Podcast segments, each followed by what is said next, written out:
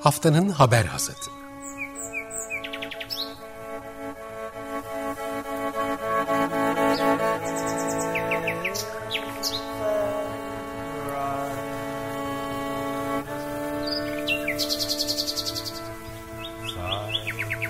Haftanın öne çıkan iklim haberleri ve araştırmalarından okumalar ve yorumlar.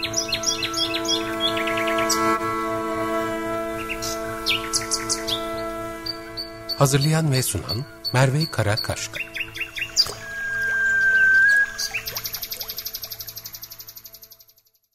Merhaba, Haftanın Haber Hasatı'na hoş geldiniz. Açık Radyo'da geçtiğimiz haftanın önemli iklim haber ve araştırmalarından özel bir derleme sunan programımızda 2021'in son bölümüyle karşınızdayız. Ben Merve Karakaşka. Ee, biliyorsunuz Aralık ayında e, ki tüm bölümlerimizi 2021'in hasatı adını verdiğimiz yılın önemli başlıklarını derinlemesine tartıştığımız bölümler olarak kurguladık. Ee, geçtiğimiz haftalarda plastik atık ithalatının fikri takibini yaptık. Yangınlar e, konusuna baktık. 2022'ye nasıl hazırlanmamız gerektiğini sorguladık. Şimdi e, 2021'in en yakıcı başlıklarından biri olduğunu düşündüğümüz kuraklık konusunu ele alacağız. Kuraklık konusunda geçtiğimiz haftalarda e, NASA Earth Observatory adını verdiği bir gezegenle ilgili görüntü, uydu görüntüleri ve hikayelerini paylaştığı bir haber bloğu var. Burada e, Türkiye'den Tuz Gölü'ne dair bir hikaye paylaşıldı. Uydu görüntüleri Tuz Gölü'nün nasıl küçüldüğünü göz önüne seriyordu. Çok konuşuldu, çok paylaşıldı.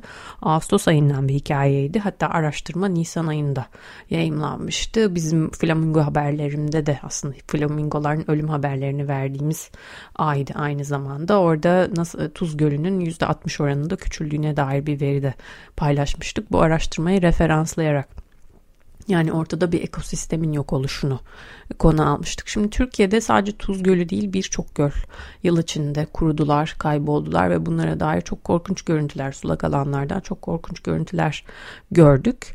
E, bu Tuz Gölü konusundaki araştırmanın ortak e, yazarlarından e, bir bilim insanı, bir bilim kadını bugün e, bizimle birlikte e, ve e, bu kuraklaşma sürecini de birlikte ele alacağız. Türkiye'deki bu kurak alanla kuraklaşmanın, göllerin kuraklaşmasını gözlemleyen, bunlar üzerine çalışmalar yapan, bunların iklim değişikliğiyle bağlantısını araştıran, ortaya koyan bir bilim insanı. Hidropolitik Akademi'den Doktor Fulya Aydın Kandemir bugün bizimle birlikte. Merhaba, çok teşekkür ederim nazik davetiniz için. Aynı zamanda Açık Radyo dinleyicilerine de iyi dinlemeler diliyorum şimdiden. Çok teşekkürler. E, Fulya 2021'in en önemli konularından biriydi kuraklık. Son dönemlerde e, senin de içinde bulunduğun bir çalışma NASA tarafından da paylaşıldı Tuz Gölü ile ilgili. E, ve sen çok farklı konularda da çalışmalar yaptın aslında bu kuraklığın yaş- yaban hayata etkisinden tut da işte sulak alanlara kadar. Biraz aslında önce seni tanıyabilir miyiz? Neler yapıyorsun? Hangi alanlarda araştırmaların var? Evet, teşekkür ederim. Ben e, Ege Üniversitesi'nden e, fizik bölümünden mezun oldum 2013 yılında. E, akabinde Güneş Enerjisi Enstitüsü'nde yüksek lisans ve doktora çalışmalarımı tamamladım yine Ege Üniversitesi'nde. yüksek lisans çalışmalarımda öncelikli amacım yenilenebilir enerji kaynakları ile ilgili çalışmalar yapmaktı. Burada hatta biyokütle çalışma grubunda yer aldım, çalışmalarımı gerçekleştirdim. Ama pek çok yenilenebilir enerji kaynağı ile ilgili hem eğitim alma hem de bazı kaynaklarla ilgili çalışmalar yapma fırsatı buldum.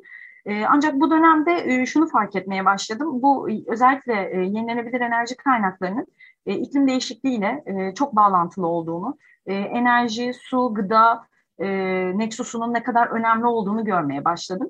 E, bu nedenle de doktora çalışmalarımda iklim değişikliğine de e, geçiş yaptım çalışmalarımı gerçekleştirirken ve e, aslında ilk çalışmalarım e, Ege Üniversitesi Coğrafya Bölümünde uzaktan algılamaya yönelik çalışmalarımda e, bu alanda e, Ege Üniversitesi Coğrafya Bölümünde e, gerçekleşti. E, Profesör Doktor Ecmel Erlat hocamla birlikte başladık ve ilk çalışmamız aslında Tuz Gölü'ne yönelikti.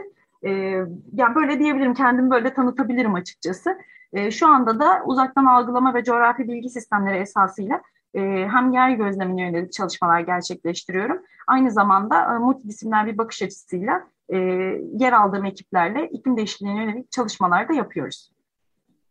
Evet, bunların hepsi kulağa çok ilginç geliyor ama e, son dönemde özellikle hani bu çok dikkat çektiği için ve ben bizim de yıl içinde özellikle Nisan ayında bu flamingoların da ölümüyle aslında Tuz Gölü'nün kuraklaşmaya başladığına dair e, aslında 2015 yılına kadar sanırım böyle e, kütlesinin su kütlesinin yüzde 60'ını yitirdiğine dair bir veri de vardı. Bu verinin kaynağı sizin araştırmanız da olabilir.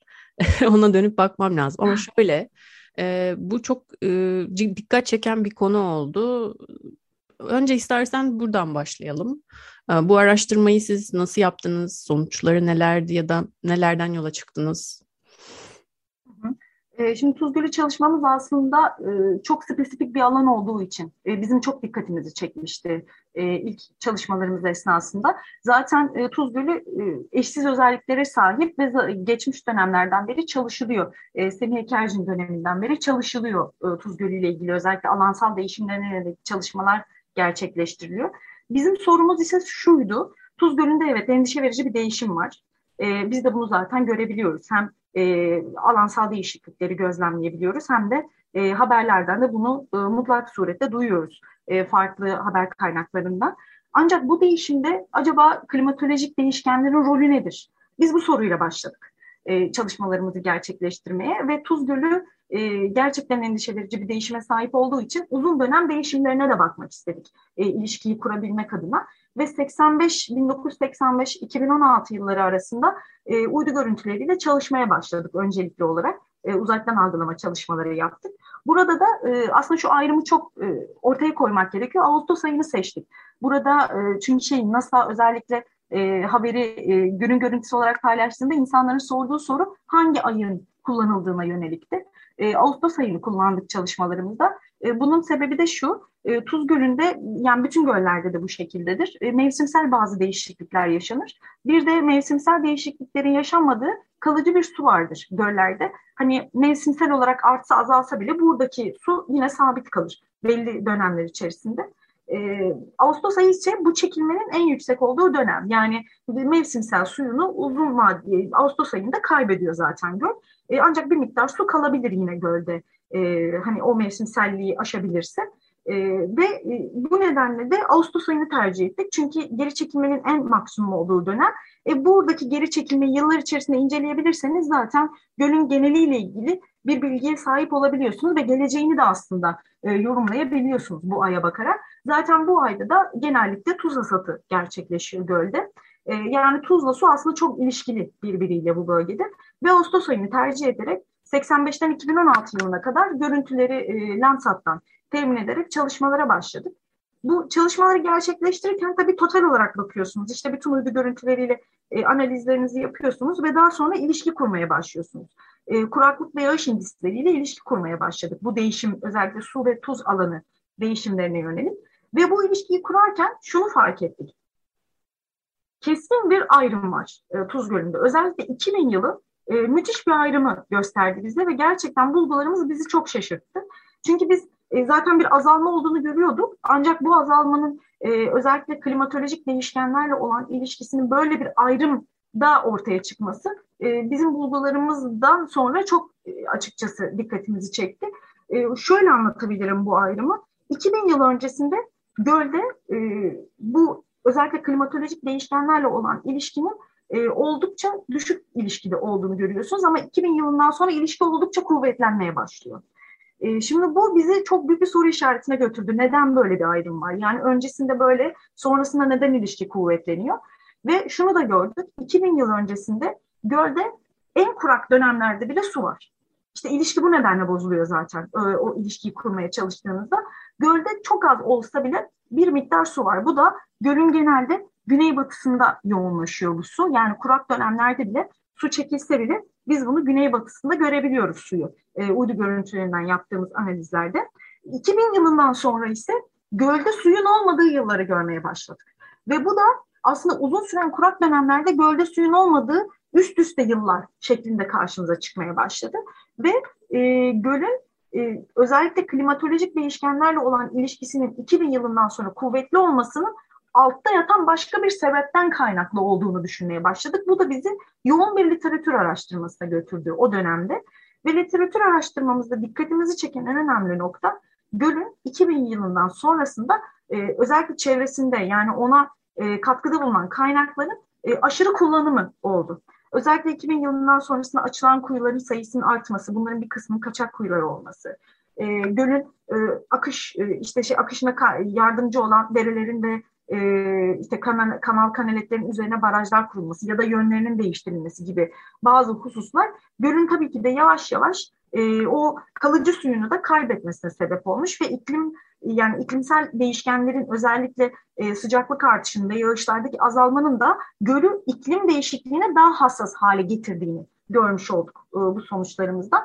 Bu da şunu gösteriyor, gelecekte göl daha da hassas hale gelecek. Çünkü iklim değişikliği biliyorsunuz artık e, inkar edilemeyen bir gerçek halini almaya başladı ve e, bu inkar edilemeyen gerçeğin içerisinde siz gölde e, kaynakları yavaş yavaş e, yok etmeye başladığınızda diğer kaynakları göl yağışa duyarlı hale geliyor. Yani yağış olmadığı müddetçe gölde suyu göremeyeceğimiz yıllardan da bahsedebiliriz. E, bu ayrım bizi çok şaşırtmıştı açıkçası ve e, 2000 yılından önce gölde kurak dönemlerde bile suyun olmasının o dönemlerde kuyuların bu kadar aşırı kullanılmaması ya da göldeki göle dökülen diğer kaynakların bu kadar tüketilmemesiyle bağlantılı olduğunu gördük. E, bu da bizi açıkçası çok şaşırttı e, Tuz Gölü ile ilgili. Yani geleceğinin de bu açıdan karamsar olduğunu söyleyebiliriz. Çünkü Türkiye'nin en büyük ikinci gölü olarak biliyorsunuz literatürde de e, adlandırılıyor. Ve şu an işte son görüntülere de hatta baktım yakın zamanda. E, gölde gerçekten suyun kalmadığı e, bir e, senaryo şeyle, e, görüntüyle karşı karşıyayız diyebilirim. Biz 2016'dan sonra çalışmamızı 2021'e genişlettik aslında yakın tarihte ve e, o özellikle bulduğumuz diğer faktörler yani yeraltı suların aşırı tüketimi gibi e, faktörleri e, 2021'e uzatarak bu faktörleri de e, işin içine katmaya karar verdik. Çünkü bunların ilişkisi nedir? Yani yeraltı suyunu kullanımının ilişkisini de göl değişimiyle olan ilişkinin içine katmaya çalıştık ve yeni bir çalışma hatta yakın tarihte e, gerçekleştirdik. Bunu da e, umarım yakın zamanda yine e, dünyaya hani duyurmaya çalışacağız. Çok önemli şeyler söyledin Fulya. Ee, şunu anladım ben siz aslında önce klimatolojik e, dediğin zaman anlamamız gereken doğrudan iklimsel etkiler değil mi? Yani yağış rejimi vesaire. Ee, aynen kuraklık indisleri kuraklık yani sıcaklığın işin içinde olduğu kuraklık indisleri ve yağış indisleri. Tamam, yani yağışı ve aslında sıcaklığı aynen. Tamam bunlara bak bakıyordunuz ama sonra e, önünüze farklı bir e, faktör çıktı. Yani peki 2000 yılından sonra niye bu kadar çok kuyu açmışlar? Türkiye'nin tarım politikasında mı bir değişiklik olmuş falan bu taraflar sizi aşıyor muydu buralara e, buraları? Şimdi şöyle aslında e, biz tabii ki de e, burada multidisipliner bir bakış açısı gerekiyor. Biz e, hani bilim insanları olarak tabii e, özellikle e, karar vericilerle yani karar vericilerin e, yapacaklarına çok fazla müdahale edemeyiz. Ama sorunu göstermek açısından bizim için çok önemliydi e, bunu göster, yani bu durumu ortaya koyabilmek. Şimdi 2000 yılından sonra neden bu kadar tabii aşırı kullanım gerçekleşiyor? Çünkü siz artık e, özellikle son haberlerde de görmüşsünüzdür çiftçilerimizin de söylediklerini.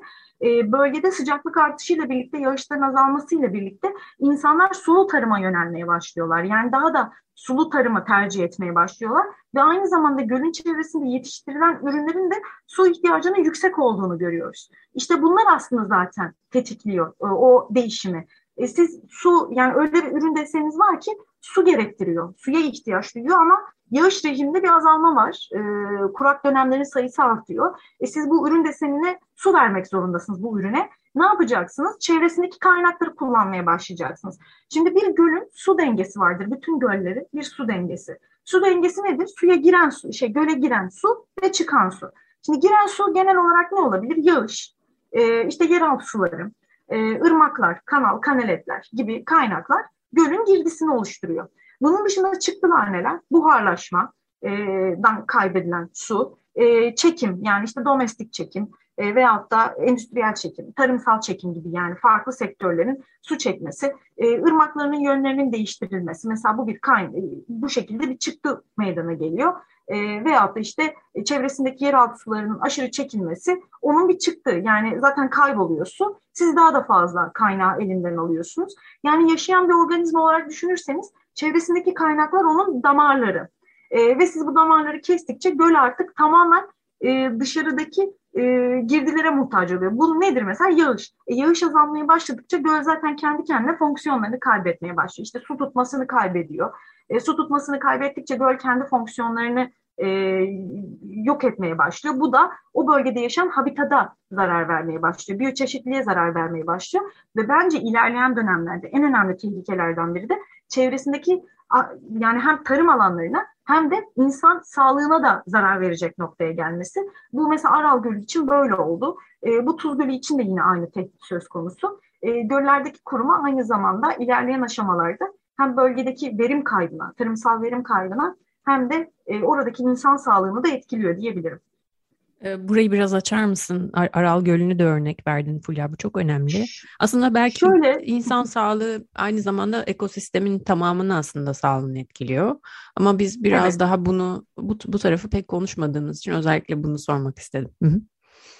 Şimdi şöyle diyebilirim. Mesela e, Tuz Gölü örneğinden gidelim. Aral Gölü de yine e, örnek verilebilir.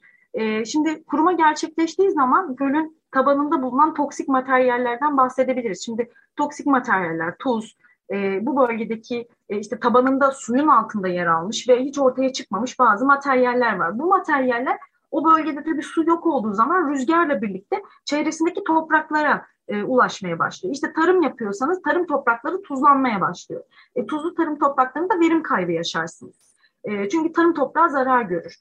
Bunun yanı sıra mesela Aral Gölü için de bu şekildeydi. Tuz Gölü için de e, ilerleyen tarihlerde böyle sıkıntılar söz konusu olabilir. Özellikle solunum sistemi rahatsızlıkları. Çünkü e, o toksik materyaller rüzgarla e, havaya kalkıyor ve e, bunları soluma imkanınız da söz konusu. Bu da e, artan solunum yolu rahatsızlıklarına da sebep olabilir. Ve bu da yine gölün çevresinde e, ilerleyen tarihlerde, e, gelecekte göçlere, çünkü bu bölge yaşanmaz bir bölge haline gelecek e, göçlere de sebebiyet verebilir. Bu Aral Gölü için tabii böyle oldu. Yani Tuz Gölü için daha e, gelecek için konuşabiliriz ama önümüzde mesela bir Aral Gölü örneği var. Burada göçler söz konusu oldu. E, çok büyük bölgeler etkilendi e, bu toksik materyallerin rüzgarlarla saçılması sonucunda. Yani her gölün e, çevresinde kurumadan kaynaklı yarattığı tehlikeler mevcut, tehditler mevcut diyebilirim. E, ekosistemin etkilenmesi ise çok ayrı bir olay. Zaten biliyorsunuz son yıllarda özellikle yavru flamingoların ölümü hepimiz için büyük bir endişe yarattı ve e, gerçekten çok üzücü görüntülerle karşılaştık. E, bu da şundan da kaynaklı. E, flamingoların en önemli üreme noktası Tuz Gölü. O nedenle eşsiz bir yapıya sahip diyebilirim. E, düşünün göç yolunda uğradığınız ve üreme gerçekleştirdiğiniz nokta. E, üreme zamanında sizin ihtiyaç duyduğunuz en önemli şey su ve besin. Şimdi siz suya ulaşamadığınız zaman özellikle de e, flamingolar güneybatı kesiminde konuşlanıyorlar. Bunu bile biliyorlar. Çünkü kalıcı su e, kuraklık olsa bile geriliyor ve o bölgede yoğunlaşıyor. Demin size söylemiştim. Flamingolar artık bunu bilinçlen bilinç haline getirmişler ve o bölgede konaklıyorlar. Çünkü bu bölgenin daha az tuzlu, suyunun biraz daha yoğun olduğunu biliyorlar ve bu bölgede hem oradaki organizmaları yiyerek, e, besin kaynaklarını tüketerek e, üremelerini gerçekleştiriyorlar e, yavru flamingolar da suyla ilk defa burada tanışıyor. E, aslında o rengini yani flamingoların o eşsiz rengini almasını sağlayan da orada yedikleri bu e, besinler aslında doğrudan onlara bu rengi veriyor. Ve e, İç Anadolu'da zaten flamingolarla ilgili biliyorsunuz allı turna deniyor yani halk arasında kendilerince e, özdeşleştirmişler bu e, türü ve bununla ilgili bir türküleri bile var. E, allı turna türküsü. E, düşünün yani flamingolar o kadar onlar için e, eşsiz çünkü geldikleri zaman görsel bir şölen oluşturuyorlar ve biyoçeşitlilik önemli bir habitat sağlıyor e, Tuz Gölü onlara. Ancak bu üst üste süren kurak yıllar ve suyun e, olmadığı yılların gerçekleşmesi e, e flamingoların e, üremeden sonra yavrularının suya ulaşamamasına e, sebebiyet verdi ve toplu ölümlerle karşılaştık. E, bu da aslında bir gölün e, kurumasının e, sağladığı ekosistem servislerine, hizmetlerine e, nasıl negatif e, bir etki sağladığını da görüyoruz. E, yani göllerin kuruması sadece suyun çekimi değil, çevresindeki habitatı, e, insan hayatını, tarımsal verimi e, birçok e, faktörü etkileyebilecek zincir etkiye sahip diyebilirim. E, peki Fulya şimdi e, Tuz Gölü e, tam da böyle Anadolu'nun kalbinde yer alıyor. Hakikaten çok böyle başka bir e, vuruculuğu var bence bu hikayenin insana farklı bir yerden dokunuyor ama E, belki bu kadar abartmayabilirim. Ne bileyim bir, bir başka bir şey yapayım söyleyeyim. E, şimdi evet Tuz Gölü için e, bunlar e, ya da şöyle söyleyeyim. E, bunlar çok iyi hatırlatmalar oldu hakikaten. E, ama bir taraftan şu da var. Yıl içinde hani işte Burdur'dan Van Gölü'ne kadar bir sürü gölün veya işte Sultan Sazlı gibi senin doğrudan içinde bulunduğun işte çalışmalar yaptığınız alanlardan da böyle bir sulak alanlardan da çok korkunç haberler almaya devam ettik.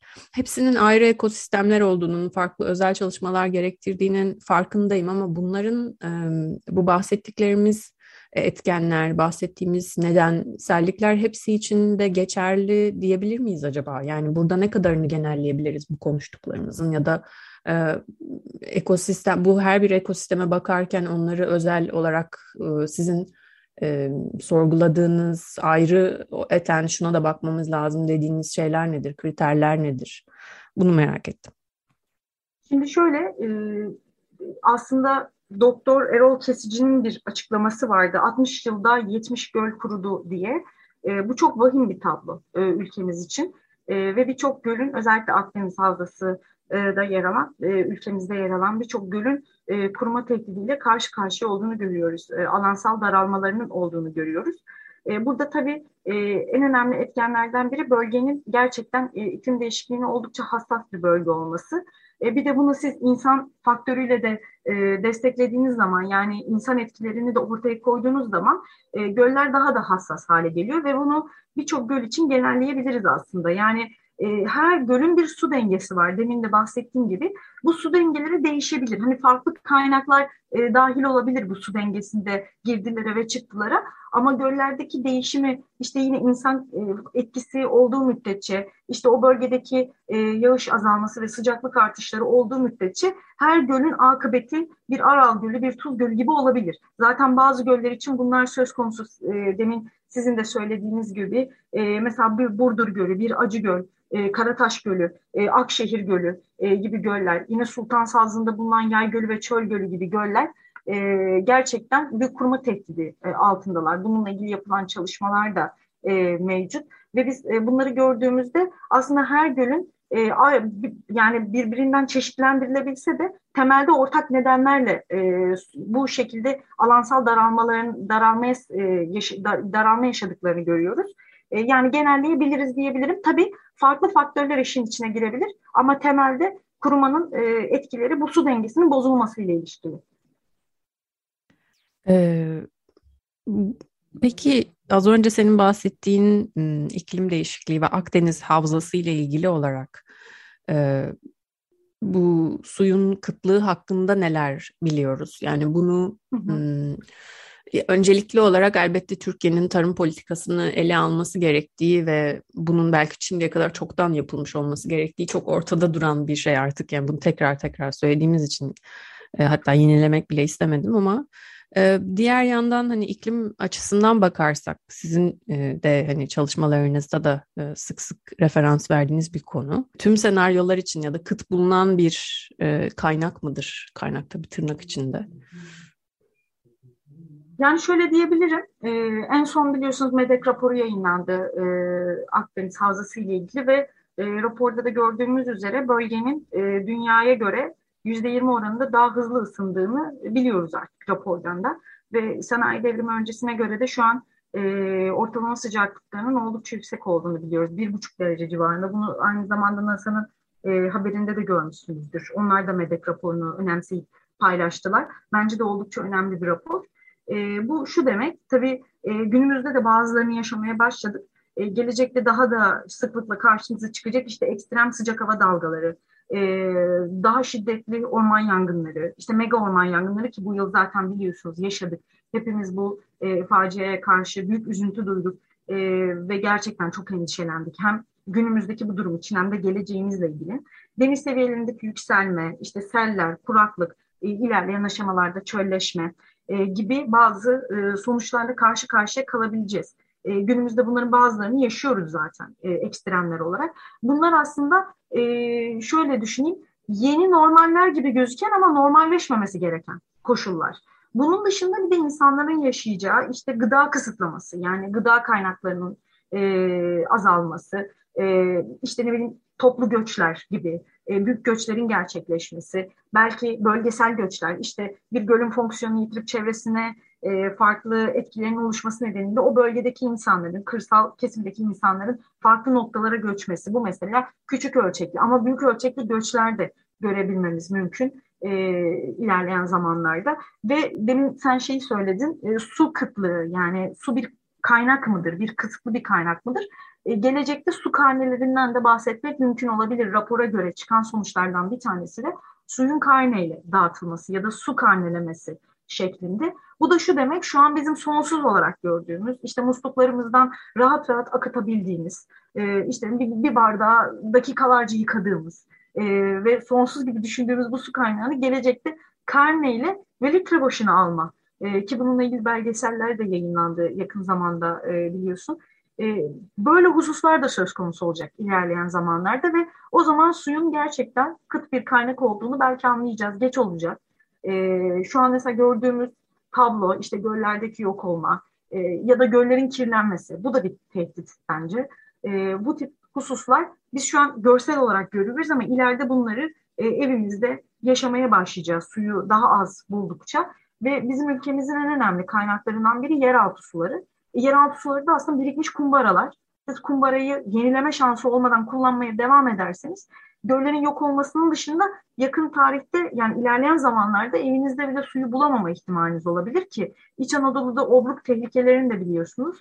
E, bunun sebebi de o yeraltı sularının aşırı kullanılıp tüketilmesi ve o bölgedeki yukarıdaki ağırlığın taşınamayıp çökmesi ve obrukların oluşması. Bunlar bile bize işaret ediyor aslında, geleceğimizi gösteriyor.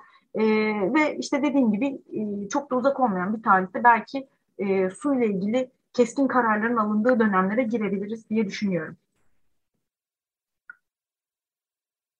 Evet, yani aslında ben sana şimdi 2022 yılına hazır girerken neler beklemeliyiz diye soracaktım ama sen çok uzun vadeli projeksiyonlar da ilettin.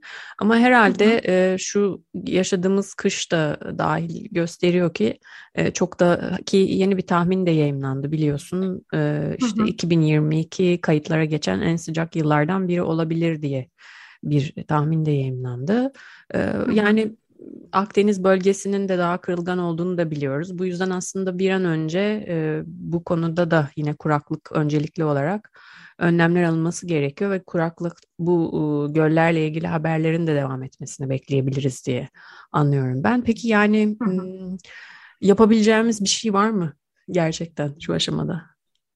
Ee, şöyle aslında iklim değişikliği geri döndürülemeyen bir noktaya doğru gitmeye başladı zaten. Bunu iklim bilimcilerimiz daha detaylı açıklayacaktır. Hani bizim gördüğümüz kadarıyla, e, gözlemlediğimiz işte dünya e, yeryüzü gözlemleriyle, gözlemlediğimiz kadarıyla değişikliğin artık giderek daha belirgin hale geldiğini ve e, belli dönemlerden sonra geri dönülemeyecek noktaya geldiğini biliyoruz. Ben mesela bazı e, şunu ufak bilgiler vereyim. E, şimdi mesela işte Tuz Gölü ile ilgili işte paylaştık ya da Burdur Gölü ya da Acıgöl e, özelinde işte ya da e, örnek veriyorum Seyfe Gölü özelinde, Sultan Sazlı özelinde çalışmalar yapılıyor. E, ilerleyen aşamalarda işte yağış azalmalarından bahsediyoruz. Ancak şöyle bir şey de olabilir. İşte e, bakın bu yıl çok yağışlı geçti, işte bu yıl çok karlı geçti e, şeklinde e, şeyler de olabilir ilerleyen aşamalarda. Hani böyle e, konulardan da bahsedilebilir. Zaten iklim değişikliği şu aslında bir şeyin tamamen yok olması değil, olacak şeyin de çok aşırı ve şiddetli olmasından e, bahsedebiliriz. Mesela işte yağışların olmayacağı yerde gerçekten uzun dönemli ve şiddetli kuraklıklar, yağışın olduğu dönemlerde o yağışın kullanılamayacağı şekilde şiddetli yağışlar. Ki bunu görmeye başladık biliyorsun işte selleri, e, yine ekstrem olayları, özellikle işte hiç görmediğimiz hortum olaylarını e, kıyı bölgelerimizde görmeye başladık. E, yani bize çok uzak olan kavramları e, kendi kıyılarımızda görmeye başladık. Selleri görmeye başladık. Özellikle orman yangından sonra şimdi daha da e, yağışların daha da tutulamayacağı özellikle çünkü bir orman yapısı kalmadı. E, şiddet, sellerden daha da fazla bahsedeceğiz. Bunlar şu demek, yağan yağmur bile o kadar şiddetli olacak ki biz bunu kullanılabilir seviyede karşılayamayabileceğiz ilerleyen e, aşamalarda. Yani işte kısa vadede yağmurun yağması bu bölgede işte kuraklaşmanın bitmesi anlamına gelmiyor. Kuraklık uzun vadede değerlendirilmesi gereken bir kavram. Yani klimatolojik bir kavram ve bunun için uzun dönem ortalamalarına bakmak gerekiyor. Yani siz işte bir yıla bakarak bu bölgenin kuraklaşıp kuraklaşmadığını e, ortaya koyamazsınız. Bunun için zaten işte göl çalışmalarında da bu nedenle 85 yılından itibaren bakıyoruz. Yani uzun dönem e, çalışmalarını, klimatolojik faktörler de 50 yılına kadar uzanıyor. 1950'lere kadar uzanıyor analizler. E, sebep şu, işte o e, göreli periyotta ne kadar büyük bir değişiklik olmuş şeklinde. Ve e, işte dediğim gibi öncelikle bunu kısa vadede düşünmemek gerekiyor. Hani ne yapmak lazım diye sorarsak bunu kısa vadeli düşünmemek ve kısa vadeli olan değişikliklerden evet ya burada bir şey yokmuş, korkmamız gerekmiyor şeklinde sözleri kafamızdan bir kere atmamız gerekiyor. Ve uzun vadeli çözüm önerileri gerçekleştirmek gerekiyor. Ve ben şuna çok önem veriyorum. Ee, aynı zamanda e, Akdeniz Üniversitesi'nde dış öğretim üyeliği yapıyorum. E, gençlere ders vermeye çalışıyorum. E, bu hatta geçen yıl bir gönüllülük projesi de gerçekleştirdik göllerle ilgili. E, Akdeniz Üniversitesi'nde e, doçent doktor Nusret Demir hocamla birlikte. E, Akdeniz Üniversitesi öğrencilerine özellikle matematik ve uzay bilimleri, teknolojileri öğrencilerinden göllerle ilgili bir farkındalık oluşturmalarını istedik. E, işte benim önem verdiğim kısım gelecek nesiller onları bu konuda bilinçlendirmek. Bence en önemli noktalardan biri bu. Çünkü kaybettiğimiz bütün miraslar aslında onların ileride göremeyeceği miraslar. Ve e, hani belli bir kısım yine belki görecek ama e, şu an mesela doğan çocuklarımız, işte torunlar e, ilerleyen aşamalarda bu gölleri göremeyecekler. Tıpkı Aral Gölü'nde bir e, belgesel vardı işte dedem burada balık tutarmış ama ben şu an burada bir göl göremiyorum e, şeklinde açıklamaları e, göreceğiz ilerleyen aşamalarda e, gelecek nesillerden ve onların bilinçlendirilmesinin çok önemli olduğunu düşünüyorum. Her şeyden önemlisi. Bütün politikalardan çok onlar buna ne kadar sahiplenirse zaten gelecekte onlar karar verecekleri için şu anki e, karar vericileri de etkileyebilecek konuma gelmeleri lazım, bilinçlenmeleri gerekiyor. Bu nedenle de Akdeniz Üniversitesi'nde onlardan şunu istedik. E, bazı seçtiğimiz göller vardı. Bu gölleri bizim için sayısallaştırın ve değişimi kendiniz görün. Hani çünkü yeni nesilde şöyle bir şey var. Görmeden gerçekten inanmak istemiyorlar. Onlara gerçek somut e, görüntüler göstermeniz gerekiyor. Bu görüntüleri de kendilerinin görmesini istedik ve belli göller seçtik. Karataş, Burdur, Acıgöl, e, Akşehir, Seyfe ve Eber göllerini seçtik. Bu gölleri sayısallaştırmaya başladılar e, ve daha sonra şunu söyledik. Bir değişim varsa bu değişimin nedeni sizce ne olabilir? Bunu araştırın bize. Ve öyle geri dönüşler aldık ki özellikle e, lisans öğrencilerinden e, gerçekten müthiş geri dönüşlerdi ve serzenişleri şuydu gerçekten bu göller çöl olmasın. E, en son bir hatta bir açıklama yani bir e, beyanat şeklinde maddeleştirdiler e, bu buldukları bulguları, kök nedenleri ve çözüm önerilerini. E, gerçekten müthiş bir bilinçle e, maddelerle çözüm önerileri sundular ve amaçları şuydu gelecek nesillere bırakılacak bu mirasları aynı zamanda bu mirasın desteklediği biyoçeşitliliği e, bize de bırakın. Yani biz de bunlardan e, faydalanalım. Buranın e, estetik görüntüsünden, eşsiz yapısından e, ileride biz de faydalanalım. Biz de bunları görelim şeklinde ve bu bölgelerin çöl olmamasına yönelik e, bir açıklama gerçekleştirdiler. E, işte bu nedenle gelecek neslin bilinçlendirilmesinin çok önemli olduğunu düşünüyorum. Zaten e, yakın tarihte de biliyorsunuz artık iklim değişikliği ile ilgili gençlerin daha çok konuştuğunu görüyoruz. E, bu alanda daha çok bilinçlendiklerini görüyoruz ve bizim ülkemizde de gerçekten bu alanda çalışmalar yapılmalı. İklim değişikliği ile ilgili derslerin e, daha e, alt seviyedeki öğrencilere yani eğitim seviyesi olarak daha e, küçük yaştaki e, çocuklara verilmesi gerektiğini, iklim bilimcinin biliminin e, onlara e, yansıtılması gerektiğini, bilincinin onlara aşılanması gerektiğini düşünüyorum. E, böylece ilerleyen aşamalarda e, birçok e, karar verici mekanizmada onların da etkilerinin olabileceğini düşünüyorum. Bence önemli olan hususlardan biri bu. Yapılacak diğer şeyler ise şunlar, e, hani kendi düşüncelerim için. E, kesinlikle tarım e, davranışları ele alınmalı. Tarımsal aktivitelerin e, sistemleri ele alınmalı. İşte salma sulama gibi e, çok geleneksel sulama sistemleri yerine o, o bölgelerde yetiştirilecek tarım ürün desenlerinin e, daha az su gerektirecek yapıda e, tesis edilmesi yani farklı ürün desenlerinin tercih edilmesi ve bunlara yönelik de e, bir su bütçesiyle e, sulama sistemlerinin geliştirilmesi. Yani ben burada salma sulama ya da damlama sulamanın arasındaki farkları anlatmak yerine hangi sistem kullanılacaksa öncelikle o bitkinin ihtiyaç duyacağı, o ürün desenin ihtiyaç duyacağı suya göre su sistemi geliştirilmesi gerektiği taraftarıyım. Böylece su oldukça verimli kullanılacaktır. E, ya fazla su vermeyeceksiniz ya da az su vermeyeceksiniz. Gerektiği kadar su vereceksiniz. Bu da sizin aslında tarımsal e, olarak daha sistematik, daha teknik olmanızı sağlayacak. Ve özellikle bu tip e, işte kuraklığa çok yatkın, yağışa hassas bölgelerde e, ürün desenlerinin yeniden ele alınması. Bu bölgelerde işte çok yağış ihtiyacı olan, e, daha doğrusu su ihtiyacı olan e, ürün desenlerinin terk edilip yerine e, daha az su ihtiyacı olan ürün desenlerinin tercih edilmesi gerektiği taraftarıyım. Hani tarım e, sal aktivitelerin ele alınması açısından ve e, hani bunlardan sonra mutlaka mutlaka restorasyon çalışmalarının doğru şekilde gerçekleştirilmesi gerekiyor. İşte oraya bir su bırakacaksanız, işte örnek veriyorum e, kurumada olan bir göle e, dışarıdan bir su aktaracaksınız. Bu aktarılan suyun bile kalitesinin oldukça önemli olduğunu düşünüyorum ki e, bazı göllere e, atık suların arıtımıyla verilen sular olduğunu da biliyoruz raporlardan. Bunun çok dikkatli yapılması gerektiğini düşünüyorum. Çünkü e, arıtım sonucunda e, ortaya çıkabilecek işte o göldeki kirliliği arttırıcı sebepler de oluşabilir. E, çok dikkatli bir şekilde arıtım yapılıp aktarım sağlanacaksa bile bu tekniklerin çok yüksek şekilde uygulanarak aktarım sağlanması gerektiğini düşünüyorum. Hani genel olarak baktığımda aklıma gelen çözüm önerileri bunlar. E, tabii uzun vadede iklim değişikliğini önleme konusunda da e, mutlaka alınması gereken e, adımlar yani atılması gereken adımlar olduğunu da e, eklemek isterim. Çok e, güzel bir özetti Fulya. Çok teşekkürler. E, yani kirlilikten e, tut da işte tarım politikalarına kadar hemen her alanı kapsıyor ve bunlar hepsi birbirine bağlı konular. Çok kapsamlı konular. İşte tarım hayvancılıktan bağımsız düşünülemiyor. Bütün tüketim alışkanlıkları hepsi birlikte hani ev hane içerisinde de dışında da bunların hepsinin politikalarla yeniden ele alınması ve bir an önce de eyleme geçilmesi gerekiyor.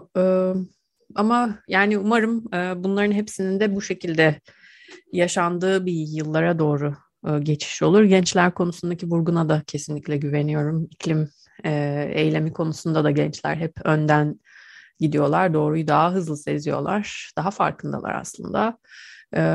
Onları da dinlemek, onların liderliğine biraz bırakmak lazım gerçekten de. Kesinlikle. Bir de şunu eklemek isterim. E, gerçekten soru soruyorlar ve e, sordukları sorularla kafa karıştırıyorlar. Yani e, bu gerçekten çok önemli. e, ve onlara e, bu sorunları gerçekten onların görmesi için göstermeniz gerekiyor. E, onların kendilerince gösterdikleri sonuçlar kendi bilinçlerinde daha etkileyici oluyor. Anlatmaktan çok onların ortaya koymasını e, geliştirmemiz gerekiyor. Bu nedenle de bence liselere kadar inebilen e, iklim derslerinin, iklim değişikliği derslerinin olması ve gençlerin bu projelerde aktif olarak rol alması, e, onların dimalarının geliştirilmesi için çok önemli. Bir şunu da eklemek isterim. Bizim ülkemizdeki e, göller bazında da konuşursak e, ve ilerleyen aşamalarda da bize çok büyük sorunlar da getirebileceğini düşünüyorum. Yeraltı suları ile ilgili de mutlaka ama mutlaka kontrollerin daha da arttırılması gerekiyor. E, haber kaynaklarından da duymuşsunuzdur. Meclis e, İklim Araştırma Komisyonu'nun son raporu vardı e, Türkiye Büyük Millet evet. Meclisi'nin. 75 bini Konya'da olmak üzere 100 bin e, kaçak kuyudan bahsediliyor. Bu müthiş bir rakam. E, ve bunların kesinlikle kontrol altına alınması, çekim seviyelerinin yani çekim kontrollerinin gerçekleştirilmesi gerekiyor ki e, ileride bu birikmiş kumbarayı doğru şekilde kullanabilelim. E, ve bu e, kontrolsüzlüğün önüne geçelim. Bu da bence önemli öneri, yani çözüm önerilerinden bir tanesi olabilir benim açımdan. Evet kesinlikle e, bunun artık sürdürülemez olduğunu daha net göremiyoruz. Ama insanların da yani e, bu büyüme ve e, kendi yaşadıkları alandaki e, doğal belki parçası hissettikleri o e, habitatları feda etme sırf bu işte kalkınma için feda etme ikileminin arasında bırakan politikaların artık belki bir son bulması gerekiyor. 2022'nin böyle şeylere gebe olduğunu düşünmek istiyorum ben ee, en azından ve gençlerle umutluyuz en azından böyle bir noktada bırakalım. Ee, çok teşekkür ederim Fulya yorumların için. Benim sormayı unuttuğum, eklemek istediğin başka bir şey var mı? Ben çok teşekkür ederim. Çok verimli bir konuşma oldu. Ee, umarım bir hata olmamıştır. Affola diyeyim şimdiden e, seyircilerimize de. Hı hı. E, elimden geldiğince e, bilgilerimi ya da edindiğim deneyimleri aktarmaya çalıştım. Hı hı. Bilim insanı olarak her zaman yaptığımız çalışmalarda bir yerlere dokunmak istiyoruz. Ecmel Hocam'ın çok güzel bir sözü var. Dünyada hoş bir seda bırakmak. Bir bilim insanı olarak yaptığımız çalışmalarla dünyada bir iz bırakmak ve gerçekten e, yaşanan sorunları e, ortaya koyabilmek, bunlarla ilgili insanların karar almalarına yönelik e, bir motivasyon oluşturabilmek, e, bu değişimleri gösterebilmek adına bir bilim insanı için çok önemli bir duygu. E, ben gerçekten bu nedenle de yaptığım işten dolayı da çok mutluyum. E, ve bu çalışmaları gerçekleştirirken de e, aslında ben tek değildim. E, demin de söylediğim gibi e, Ecmel Erlat Hocam ve aynı zamanda Profesör Doktor Murat Türkeş Hocam'la da e, hem tuz gölü hem de sıcak hava dalgalarına yönelik çalışmalar gerçekleştirdik. E, ben gerçekten böyle bir ekip içinde olduğum için de çok teşekkür ediyorum bu ekibime. E, umarım da ilerleyen aşamalarda daha iyi bir e, konuyla e, bir arada oluruz. E, bu kadar endişe verici konuları doğru çözüm öneriyle, e, doğru çözüm önerileriyle atlattığımız ve daha iyi bir ortamda daha iyi şeyleri konuşabildiğimiz e, yayınlara demek istiyorum. Çok teşekkür ederim tekrar davetiniz için. Ben teşekkür ederim. Daha iyi haberlerde o zaman görüşmek dileğiyle. Hoşçakalın. Hoşçakalın. Açık Radyo'da Hidropolitik Akademi'den Doktor Fulya Aydın Kandemir'i dinledik. Şimdi sırada Anadolu'nun Ses Arşivi bölümümüz var. Bu bölümde Anadolu'da çevresel adalet mücadelesi veren e, grupların seslerine kulak veriyoruz. Yıl içerisinde Zonguldak'tan Mardin'e kadar çok farklı mücadeleleri dinledik. Şimdi e, son kaydımız e, Bartın'dan geliyor. Bir süre önce e, termik santral inşasına karşı önemli bir e, zafer kazanmıştı. İyi bir haber gelmişti Bartın'dan. Şimdi Bartın e, platformu yine Hattat Holding'e karşı bir e, yeni bir dava sürecine giriyor. Bununla ilgili platformu temsilen burada yaşananları anlatmak üzere Bartın Platformu Yürütme Kurulu üyesi aynı zamanda Bartın Üniversitesi Ormancılık e, Politikası Anabilim Dalı Başkanı Profesör Doktor Erdoğan 60'ı dinleyeceğiz. Ardından hasatın sonuna geleceğiz. E, bilindiği gibi Bartın'daki termik santral mücadelesi e, uzun yıllardan beri sürüyordu. Yani aslında 2005 yılında buraya gelen Attat Holding burada kömür çıkaracağını Amasra'da söylemişti. Bir termik santral yapmayacağını da beyan etmişti. Fakat daha sonra bu kömür çıkarmayla ilgili Rödevan söz, sözleşmesini yaptıktan sonra dedi ki ben bu kömürü ancak termik santral yaparsam e, kullanabilirim, yakabilirim ve termik santral için başvurdu. E, bu başvurular e, çeşitli yıllarda çet başvuruları kabul edilmedi, uygun görülmedi. Hatta 2010 yılında yapılan e, Ankara'da yapılan toplantıda Amasya'daki bu yerin termik santrale uygun olmadığı kararı çıktı. Bu şirket buna rağmen yıllardır e, tekrar tekrar e, chat başvuruları yaptı. İsmini değiştirdi termik santral. İki termik santral vardı. Bunların isimlerini değiştirdi. E, başvuran şirketlerin ismini değiştirdi ve tamamen hukuksuz yere e, tekrar tekrar hukuk dışına çıkarak yani bürokratlarla da politikacılarla da yakın ilişkiye girip hukuk dışına çıkarak bu başvurularını devam ettirdi. Biz de Bartın'da 2010 yılında kurduğumuz Bartın platformu ile birlikte Bartın platformu da 120 e, kurumsal olmak üzere belediye meclis üyeleri, il genel meclis üyelerinin dahil olduğu 160 imzacı ile oluşturulan 9 Nisan 2010 yılında oluşturulan bir platform bu mücadeleyi e, o yıldan beri bir çatı örgüt olarak üstlenerek devam ettiriyordu. Bu sürede mücadele devam etti. Yani idari anlamda 2016 yılında ilk kez bir chat olumlu karar alabildiler. E, o kararı da e, biraz hukuksuz bir zamanda yani 15 Temmuz'dan sonra olağanüstü hal döneminde alabildiler. Buna rağmen 2002 davacıyla bu chat olumlu kararını biz e, dava ettik. iptal için dava açtık. Önce Zonguldak İdare Mahkemesi bunu kabul etmedi ama daha sonra Danıştay 14. Dairesi bizi haklı buldu ve burada termik santral yapılamayacağını e, açıkladı. Yani iptal etti bu olumlu kararı ama ona rağmen e, bu olum, ÇED olumlu kararına dayanarak bölgenin Zonguldak, Bartın, Karabük, e, ön 1 bölü 100 bin ölçekli e, kararını, çevre düzeni planını değiştirdiler ve buna daha önce yer almadığı halde termik santrali eş, e, işlemişlerdi. İşte biz yakın zamanda bu plandaki bu değişikliği de e, Danıştay 6. Dairesi iptal ettirdi açtığımız dava sonucu. Çeşitli kurumlar dava açmıştı bizimle birlikte. iptal edildi ve böylece hem bu 100 bin ölçekli hem 25 bin ölçekli hem 1000 ölçekli ve 5 bin ölçekli planlarda e, termik santrale yer kalmadı. Biz diyoruz ki bundan sonra artık Bartın Amasra'da e, bir termik santrale yer yok. Haritadan silindi bu diyoruz. Ve bu mücadeleyi yapıyoruz. Biz bu mücadeleyi yaparken de gerçekten halkın e, burada yaşayan, birebir yaşayan insanların sesi olmaya çalıştık. Biz sadece onların organize olmasına yardımcı olduk parti platformu olarak. Yoksa buradaki halk tepkisi çok netti. Çünkü 2000 16 e, pardon 2014 yılında Çet olumlu kararı askıya çıktığı zaman bu askıya çıkma kararına Bartın'dan 42 bin kişi ayrı ayrı dilekçelerle itiraz etti. Bu Türkiye'de hiç yapılmamıştı. Hiç daha önce olan bir şey değildi. 10 gün içinde, 10 resmi iş gün içinde yapılması gereken bir e, itirazdı bu. Ve bu itirazı bizler e, sadece 10 gün içinde 42 bin farklı dilekçe toplayarak ve bunları o zamanki Çevre ve Şehircilik İl Müdürlüğü'ne teslim ederek Türkiye'de hiç yapılmayan bir şeyi yaptık.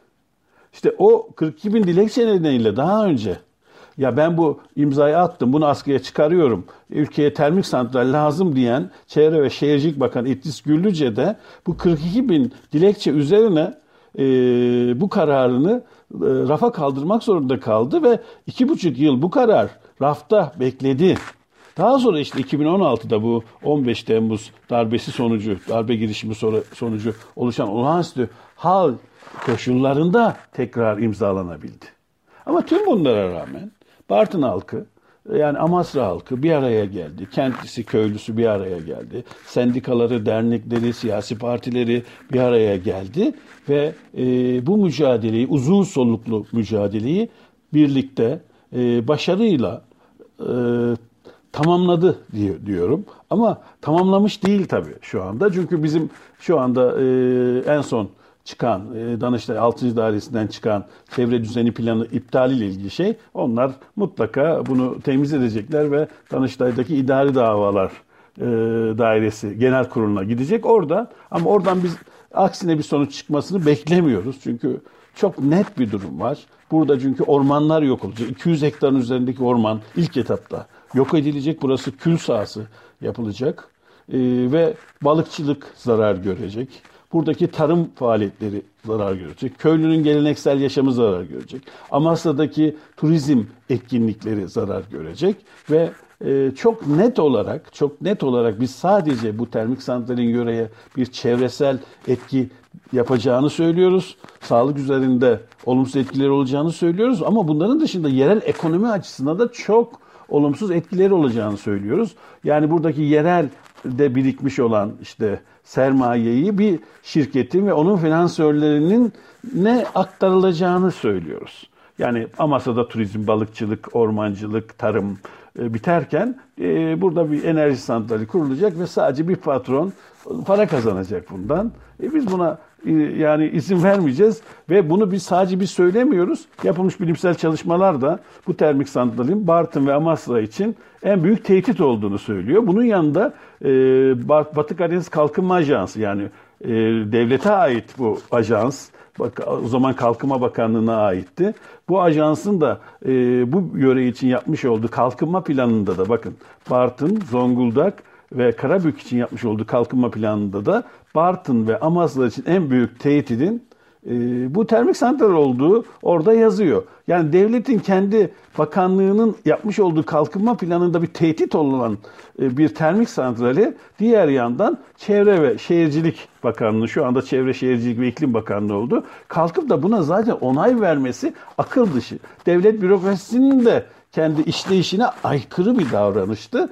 Buna rağmen izin verilmişti ama şimdiden sonra artık Çevre ve Şe Çevre Şehircilik ve İklim Bakanlığı'nda artık bu iddiasından vazgeçmesini zaten bu şirketin zorlamasıyla bu şeydeler artık bundan vazgeçmesini dünyada termik santraller kapatılırken işte artık Türkiye Paris İklim Anlaşması'na imza atmışken e, bu tür uygulamalardan artık Türkiye'deki bütün termik santrallerin de kapatılmasını, başvuruların reddedilmesini daha doğrusu ve mevcutlarının da aşama aşama kapatılmasından başka bir çare kalmadı.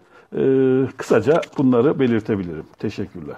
Açık Radyo'da Bartın Platformu Yürütme Kurulu üyesi Profesör Doktor Erdoğan 60'ı dinledik ve böylelikle yılın son haftanın haber asatı programımızın da sonuna gelmiş olduk. Önümüzdeki yıl e, daha iyi haberlerle görüşmek üzere. Kendinize çok iyi bakın. Hoşçakalın.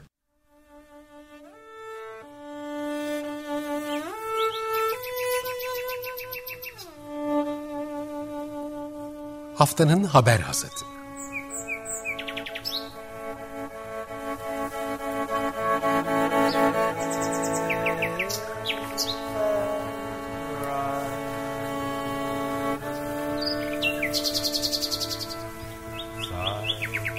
Haftanın öne çıkan iklim haberleri ve araştırmalarından okumalar ve yorumlar.